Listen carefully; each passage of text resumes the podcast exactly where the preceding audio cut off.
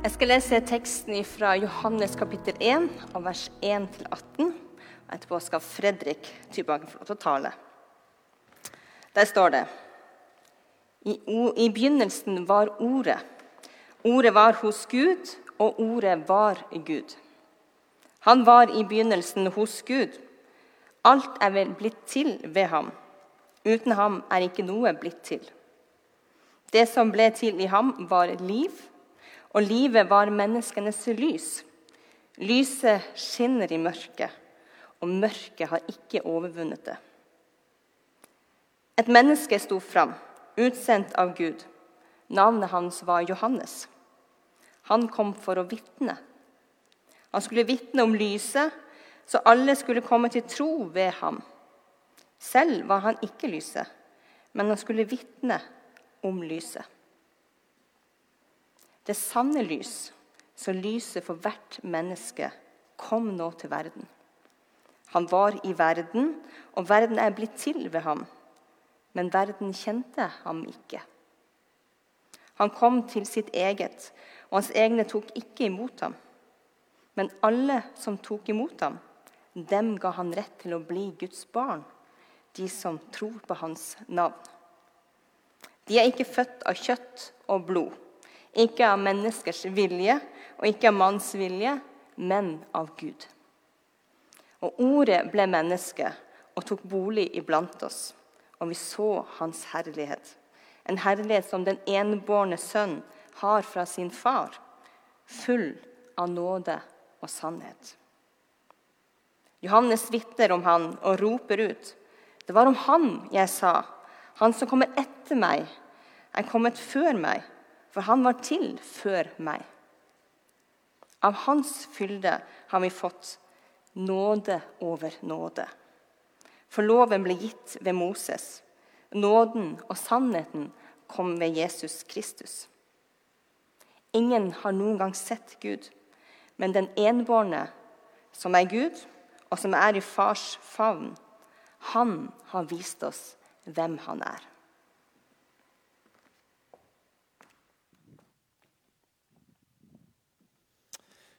Takk skal du ha, Maria. God formiddag, alle sammen. Jeg håper uh, alle har det bra der du er, i stuen eller i bilen eller uh, i Afrika. Vi er jo uh, spredt rundt omkring. Nå var det nettopp jeg vet ikke om du vet det, men det var nettopp to familier som reiste til Kenya for å gå på bibelskole nede hos familien Thorsen i Nairobi. Tenk på det. Tre familier fra menigheten der. Øyvind Vik reiser til uh, ut på Mercy Ships, skal ut og hjelpe denne, dette sykehusskipet. Han skal være skipper der og, sammen med en annen gjeng. Og, og Han reiser ut i dag, vet jeg. Flyet går i, eh, rett etter gudstjenesten. Eh, vi har Gillebo på Indonesia og du der hjemme. Så vi er overalt. Og takk for at du er med. Måtte, vi er jo midt i denne pandemien, og, og um, hvis du liker å være på sosiale medier, så så er det jo en del sånn fleiping rundt. Vi, vi må jo ha denne galgenhumoren. Så jeg tok med dette bildet her fra en uh, kirke i USA. Som har sånne bulletins på, langs veien. Jeg vet ikke om du får det opp. Jeg får det ikke opp. Men uh, uh, får vi det opp? Ja, vi får det opp. Det er i hvert fall oppe der oppe på, på We want to be like Paul, tror jeg det står. Nå husker jeg ikke, jeg har ikke pugga det, men du ser det på skjermen der. Det er et forsøk på å være litt vittig, da. Men der står det altså på denne dette skiltet We want to be like Paul on the road to demask us. Den syns jeg var god. Demask us. Få av denne maska. Vi begynner å bli lei. Ja, vi gjør det. Så, um, så, så det var den. Men ok, vi er i um, Johannes evangelium uh, denne, denne, våren. Vinteren og våren. Og um, det er jo ikke, ikke tjukke lefser. Jeg prøvde liksom å skille den litt ut her. Det er jo ikke akkurat det er ikke akkurat den tjukkeste boka du har lest. Å si til oss. Um, vi skal se på deler av kapittel 1, de første 18 versene. Jeg skal ikke gå gjennom vers for vers. Men vi lærte jo tidlig som barn at, um, at liksom svaret på en bok, det mest spennende i en bok, uh, hva det boken handler om, det finner vi i slutten av boka. Så det skal vi også gjøre. Vi skal gå inn i kapittel 20, vers 31. Du skal få verset på, på skjermen der. Hva står det der? Det er helt mot slutten av Johannes evangeliet. Disse ord er skrevet for at dere skal tro at Jesus er Messias, Guds sønn, og for at dere ved troen skal ha liv i Hans navn. Det er nøkkelen for å forstå denne boka. Alt er skrevet til oss, til du og til meg og til leserne den gang. At eh, de skal lære å tro på Jesus som Gud og som selve livet. Derfor er det disse ordene er skrevet. Og Det er altså vår bønn for dette semesteret som vi nå går inn i. At, at troen vår skal få mer dybde og få mer styrke. Du har sikkert stått foran en situasjon i livet ditt der, du, der det kan være vanskelig å tro. Vi er jo mennesker. Vi kan kjenne ah, Gud, jeg vet ikke om jeg klarer dette. Ja, Da er vår bønn at, at, at Gud skal utvide grensene for troen vår mens vi går igjennom Johannesevangeliet sammen dette semesteret. Og Du kan sikkert også føle at, at Gud forsvinner litt i, i uh, hverdagens mas og utfordringer, ja, til og med smerte. Så vet vi at Inni Johannes evangeliet der finnes det mange samtaler hvor Jesus snakker med mennesker. Det fins masse lidenskap, personlighet, ja, passion. Så Det er også vår bønn at mens vi leser og studerer og reflekterer over denne boka, så skal troen bli mer personlig for meg og for deg. Så Det er vår bønn for dette semesteret. Og Skal vi ikke be bare kort før vi går inn i denne teksten? La oss gjøre det sammen. Herre, takk for ditt ord. Herre, takk for denne boka, Johannes evangelium. Og vi ber, Herre, om at det skal bli levende for oss. At du, Jesus, skal stå fram i dette, og at du skal hjelpe oss til å leve sammen med deg som mennesker i Norge i dag, eller der vi er. I Jesu navn. Amen. Bra. Da er du med meg. Johannes 1,1. Ja, i begynnelsen var ordet, på gresk 'logos'. I begynnelsen var ordet. Ordet var hos Gud, og ordet var Gud. Han var i begynnelsen hos Gud. Gud, hva, hva han egentlig snakker om her? Ja, vi kan, vi kan, jo lett tenke at dette her er sånne filosofiske floskler skrevet av en sånn wannabe eh, Aristoteles-type. Men hvis vi får hodet vårt litt ut av 2022 og tilbake til Jesu tid, så vil vi kanskje forstå at det ikke er for å være vanskelig at Johannes skriver det så filosofisk. Men det er faktisk en genial måte å få jøder og grekere på den tida til å forstå at Jesus er den sanne Gud. For ordet 'logos' ja, det var brukt masse i gresk filosofi. og På, det, på den tida så pekte det mot fornuften, Guds tanke. Ja, noen sa at ordet det liksom pekte på det evige orden bak alle ting. Det var litt komplisert, dette her, men for hvis en sånn random gresk familie på den tida satt under spagettimiddagen, og syvåringen spurte pappa hva, hva er det egentlig som har skapt alt, og hvorfor er vi til, ja, Da kunne kanskje far svare at alt kommer fra ordet, fra logos. Det var på en måte den måten de kunne forklare ting på. Så kanskje, så kanskje, er denne teksten litt sånn gresk eh, og for filosofisk for oss, men, men, mer tydelig den gang for den greske familien. i hvert fall. Men det var ikke bare grekere som kanskje forsto noe av dette også, for jødene de var også opptatt av logos. Jo, for de visste jo ifra første Mosebok at Gud skapte ved sitt ord. Det var han som fikk skapelsen til å skje. Ordet, logos. Gud talte, og skapelsen skjedde. Se på disse bibelversene her fra Salme 33.: Ved Herrens ord ble himmelen skapt. Hele himmelens hær ved pusten fra hans munn. Jesaja 55.: Slik er mitt ord som går ut av min munn. Det vender ikke tomt tilbake til meg, men gjør det jeg vil, og fullfører det jeg sender det til. Interessant hvis du plasserer Jesus istedenfor ordet. Men yes, så for jødene så vil det å lese Johannes evangelium og denne innledningen det vil også være med stor interesse og med gjenklang fra eh, første Mosebok. Og Ikke minst så trekker han jo inn Johannes døperen i, vers 15, som var kanskje en kjendis for veldig mange jøder. Så da er de på sporet. Men videre så er disse her versene de er stappa med mening i Johannes prologen, som vi kaller det på, som teologene kaller det, innledningen. De er stappa med mening, og Hvis du kjenner til gresk og til grunntekst, så vil hvert vers liksom bombardere oss med mening. Og selvfølgelig så var det sånn for, kanskje for den tids lesere da, som kunne denne gresken. Men Johannes han var jo ikke noen filosof. Men han skriver altså på denne måten fordi han fant en genial måte å få fram på til sin samtid, til sitt folk, til sine venner at Jesus er Gud, og han er full av liv. og Det var derfor han skrev denne teksten. Så vil jo da mange si at, uh, at denne teksten den minner oss litt om første Mosebok. som jeg nevnte. Begge bøkene begynner vi med 'i begynnelsen'. Første Mok. I begynnelsen skapte Gud. Og her altså. I begynnelsen var Ordet. Og så På den måten så kan vi ledes til å tenke at Johannes ønsker å fortelle oss denne at denne boka ikke bare handler om en bestemt person på et bestemt sted i historien. Han setter på en måte alt i en mye større ramme. Ja, For Johannes så handler dette om Guds historie. Hvordan skaperen gjør noe nytt på en ny måte i denne verden som han elsker.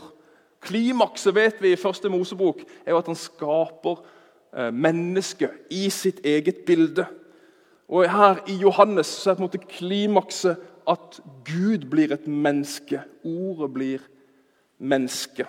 I den første historien så faller Adam i synd, og mennesket vender skaperen ryggen. Mens, mens eh, den, i den andre historien Johannes da, så er det den nye Adam kan vi si, som kommer inn i verden for å gjenopprette og ta tilbake det som mennesket mista. Jeg vet ikke om du klarer å se den sammenhengen, men det tror vi også at det er noe av det Johannes prøver å få fram i denne innledningen.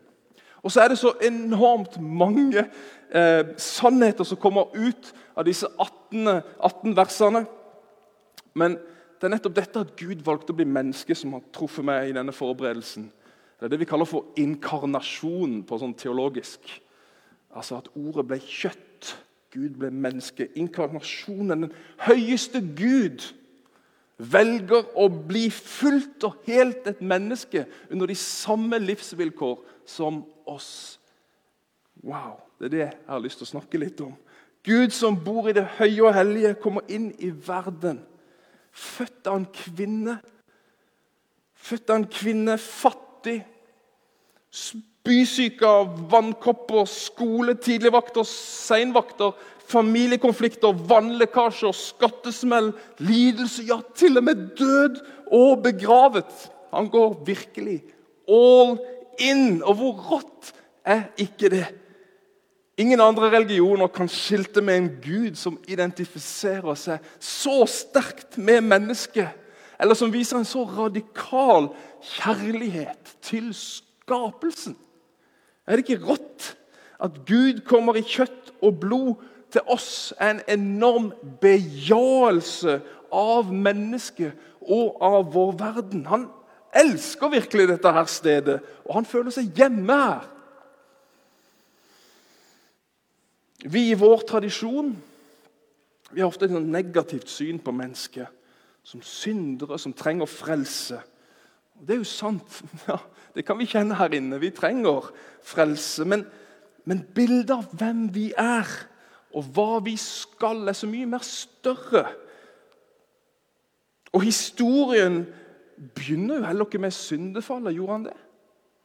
Nei, han gjorde kanskje ikke det. Skal vi fortelle hele historien om, om hvem Gud er, og hvor mennesket er, så begynner det ikke med syndefallet, men det begynner med skapelsen. Gud skapte, og det var godt. Vi er ønska av Gud. Viktig. Vi er villet av Gud. Og han skapte jorden for å ha et fellesskap med oss. Hm. Som mennesker i hans bilde så ble vi gitt et ansvar for alt det skapte. Jorden ble vårt paradis, et sted for å dele fellesskap med Gud. Det var der det begynte. Så vet vi selvfølgelig at relasjonen ble brutt. Vi fikk et problem. Synden kom inn i verden. Men løsningen var jo aldri å flykte fra verden. Nei, vi hører jo hjemme her. Ja, Løsningen er heller ikke å fornekte verden. Nei, den er jo virkelig og viktig. Ja, men hvorfor erfarer vi da likevel Jeg vet ikke om du er enig med meg, eller om det å være en kristen at det er noe som skal søke avstand fra verden. Vi får se om du henger på her. Hva er egentlig åndelighet? Åndelighet, skal vi se, Ordboka sier noe sånn som at det er det motsatte av det kroppslige, eller noe som er utenfor den materielle verden. Det er åndelighet. Ja vel. Men hvorfor er det blitt sånn når det som kanskje er mest ånd, blir et menneske? Gud blir kjøtt og blod. Han søkte verden, og ikke motsatt. Hvordan kan da det åndelige være det bare der ute? Åndelighet eller spiritualitet det er jo spennende og det er utrolig viktig, men det interessante er, er hvilken retning det fører oss i. Er det bort fra kroppen, vekk, ut av sansene, bort fra fornuften, inn i en annen, mer usynlig verden, bort fra relasjoner og inn i et sånt åndelig indre? Er det det Gud ønsker? Er det det Gud viser oss i at han blir menneske? Hm. Spiritualitet er jo populært i dag, og stadig flere søker åndelige ting. Men i hvilken retning fører åndeligheten oss? Her En dag så kom jeg i prat med en kvinne i Skåredal, og eh, vi fikk en kjempegod prat. Um, og Denne kvinnen var tydelig på en, måte en, en veldig åpen kvinne. Hun... Um, ja, vi snakka en del om meninga med livet og hensikten bak osv. Det viste seg at hun var dypt inne i det vi kaller for en spirituell praksis. Hun gikk bl.a. til en sjaman, um, som da er en, eh, en, si, en, en, slags prest innenfor det nye religiøse. Um, og Jeg fikk fort kontakt da vi begynte å snakke om, om, om hun trodde på Gud. Da, da skjøt samtalen fart. og Vi snakka lenge om det åndelige, eller energier, eller logos om du vil, det mystiske der framme, kraften bak alt.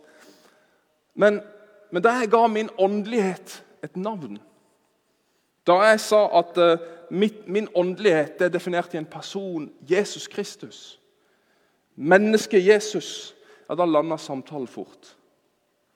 Ja, for Så fort søken utover i det mystiske ble en relasjon til en person, noe så naturlig på en måte, så mista hun helt interessen. Jeg fikk be for henne også ha det. Er det ikke interessant at åndelighet som en bevegelse bort fra denne verden Det møter oss i mange livssyn og i religioner, men det har faktisk også prega vår religion eller vårt, vår tro i mange år også. Vi har ørkenfedrene, vi har klosterbevegelsen, vi har den pietistiske vekkelsen på 1800-tallet, karismatiske vekkelsene på 1900-tallet. Alle er eksempler på at åndeligheten måte, den trekker oss ut i det mer mystiske. Noen ganger kan det virke som at åndeligheten på en måte står i kontrast til skapelsen. Men hvis åndelighet hvis det utelukker materie, kropp, fornuft, kjærlighet, seksualitet, familie og barn, studier, arbeid, samfunn, økonomi, politikk ja, Hvis ikke det er åndelighet, hva er, hva er det da for noe? Er det uåndelig? Er det sekulært? Er det nøytralt? Er det likegyldig? Er det uviktig? Ble ikke Gud menneske? Og Hvis Gud er skaperen av alt, hvordan kan da alt det skapte utelukkes fra det åndelige? egentlig? Har du tenkt på det? Det er interessant. Roter ikke vi fortsatt litt her? Jeg føler i grunnen det. Det var En som sa til meg her om dagen eller nå en stund siden nå, at eh, jeg er ikke så veldig av den åndelige typen. så Når vi snakker om tjeneste her i menigheten, så nei, da visste ikke vedkommende om det passa så bra. Følte seg ikke så veldig åndelig, men han kunne bidra på dugnad. Han var mer av den praktiske typen. Veldig vanlig å møte den holdningen egentlig for det åndelige det er jo ikke så praktisk. Eller Hva tenker vi egentlig? Ja, Om du har noen år på kirkebenken, så, så har du nok også kjent på splittelsen mellom, splittelsen mellom ditt kristne fellesskap og liv og ditt ellers så vanlige liv. Vi deler fort imellom det. For i vår åndelige sfære her i kirken, i vår tjeneste her, i vårt fellesskap her, her kan vi tjene Gud, og her kan vi forvente hans, hans, nærvær. og Vi forventer å bli brukt av han. Men når vi kommer på jobben på mandagen, da er det ingen forventning. For da er vi jo utenfor det åndelige, eller? Hva tenker vi egentlig? Vi har en sånn spalta innstilling til livet på jorden hvor, hvor vi deler tilværelsen i to, åndelig og liksom ikke-åndelig. Er det det Gud vil? Er det det han sier til oss i inkarnasjonen? I vår lengsel etter å oppfylle Jesu misjonsbefaling. da. For det er jo veldig vår, sterk i vår tradisjon og ja, i vår kirke. Vi ønsker at stadig nye mennesker skal komme til tro på Jesus. Men i vår lengsel etter dette så blir det viktigste å bidra til den visjonen og den befalingen som Jesus ga om menneskers frelse. Ja, Misjon og menighet blir det mest sentrale oppgaven i livet. Men det betyr jo også at da blir mye annet fort veldig uviktig. Kan det bli uviktig? Sko jobben vår, skolen, hverdagslivet Eller hva med de globale utfordringene? Miljøvern, fattigdom, flyktningeproblematikk. Hvor viktig er det i forhold til menneskers frelse?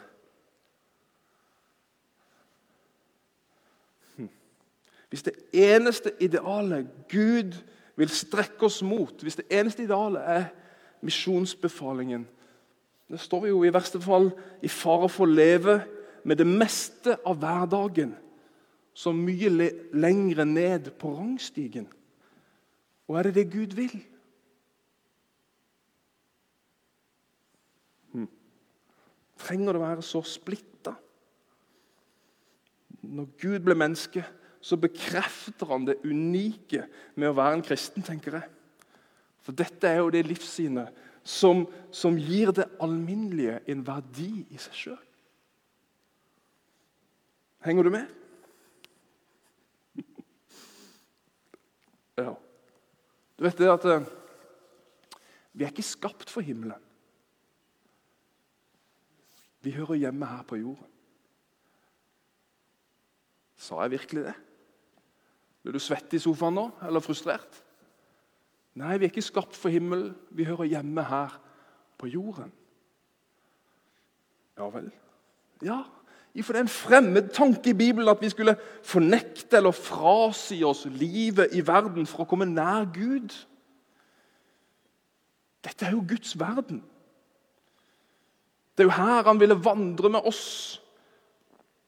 Om du er i kirka, eller om du luker i hagen. Det er jo her han vil være med oss. Ja, ja men pastor, sier jo ikke Bibelen at ikke vi skal elske verden?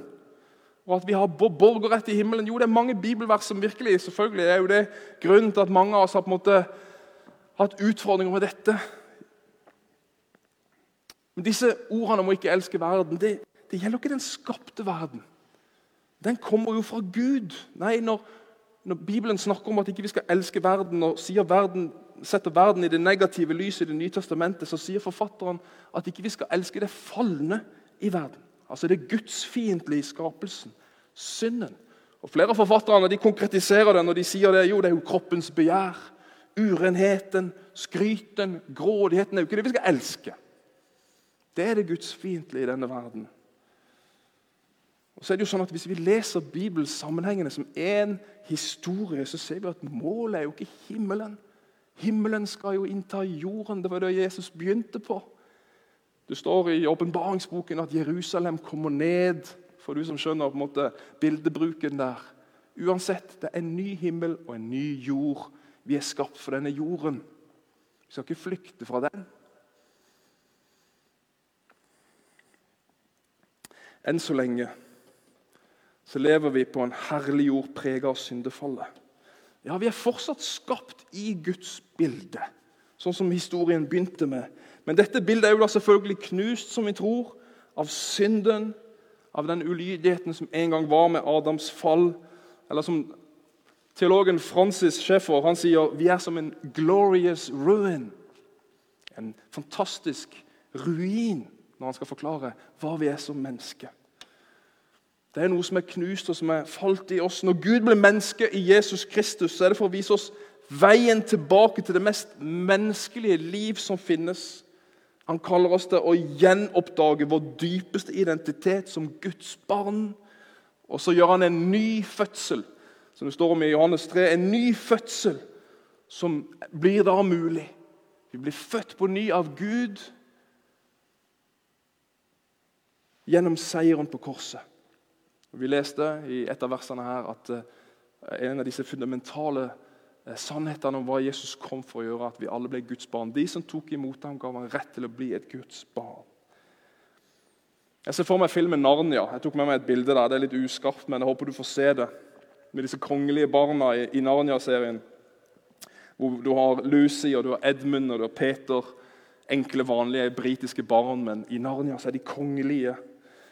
Og så kommer De tilbake, de reiser jo til og fra denne dimensjonen, nok, men de finner dette slottet som de en gang eide, og som de regjerte ifra. Tronene deres der osv. Men nå ligger alt i ruiner. Og Gjennom striden mot det onde, da, som er på en måte en del av denne filmen, så gjenoppretter løven Aslan, som er liksom bildet på Gud, han gjenoppretter deres trone. Der har du det kristne livet. En livslang utvikling fra ruin til det hele sanne mennesket, Jesus Kristus. Og Han gjør det mulig ved å følge Han det kristne livet innebærer et kall til å leve i livets fulle rikdom. Hvert område som, som Adam og Eva kunne utforske før fallet, det er vi kalt til å utforske. Hver erfaring de kunne gjøre, er vi innbudt til å gjøre sammen med ham. Ikke utenfor hans nærhet og hans kall og hans mening og hensikt. Nei, arbeid, jobben, studier, forskning, familie, sex, halleluja, barn, vennskap, mat, musikk, dans, humor, kunst, litteratur, reiser, filosofi, skjønnhet, nytelse. Ja, vi er kalt til å elske livet og elske verden. Og Vi er kalt som kristne til å være de mest livsbejaende av alle.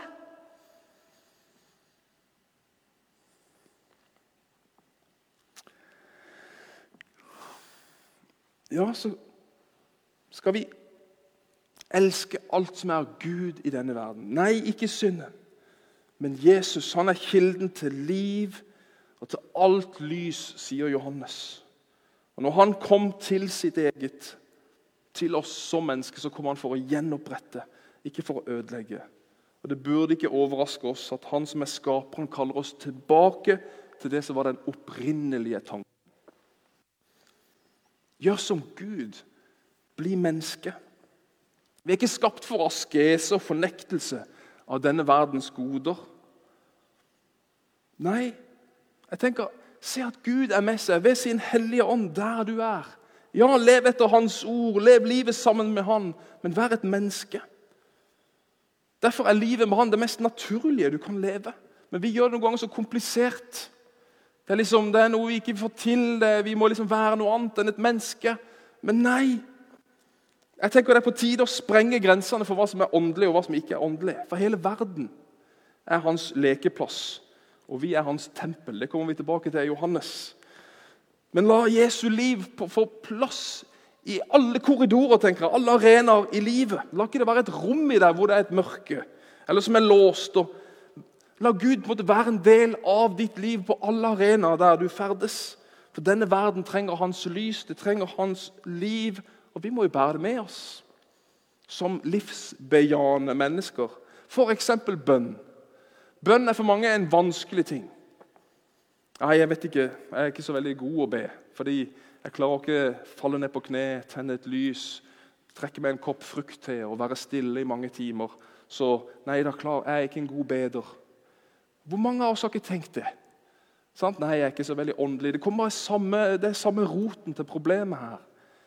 Men bønn er jo det mest naturlige som fins. Det er vår samtale med Gud. Det er som pusten. Du må, på, du må ikke gjøre noe spesielt, du må ikke være på en spesiell plass. Men der du er, der du går, de menneskene du møter, alle situasjoner du er i, du retter vi vår oppmerksomhet til Han. Anerkjenner Hans nærvær og, og gir, han, gir, han hans, eh, gir, oss, eh, gir, han, oppmerksomhet i det, og vi samtaler med han og inkluderer han i dette, ja vel, så er det bønn. Det er bare et eksempel på hvor komplisert vi kan gjøre det. Men det er så naturlig. Ingenting er mer menneskelig enn å be, tenker jeg. Koronapandemien den burde egentlig også i lys av denne inkarnasjonen ikke være en utfordring for oss som kirke.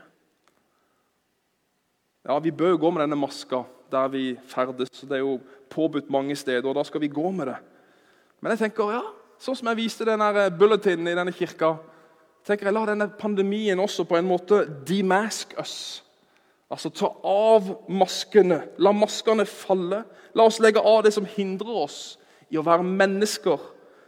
Det å legge av oss det som hindrer oss for å ta imot det livet som gjør oss hel. Av med masker, sånn at vi, at vi ser at Gud er ikke skjult for oss, men til stede der vi er til enhver tid.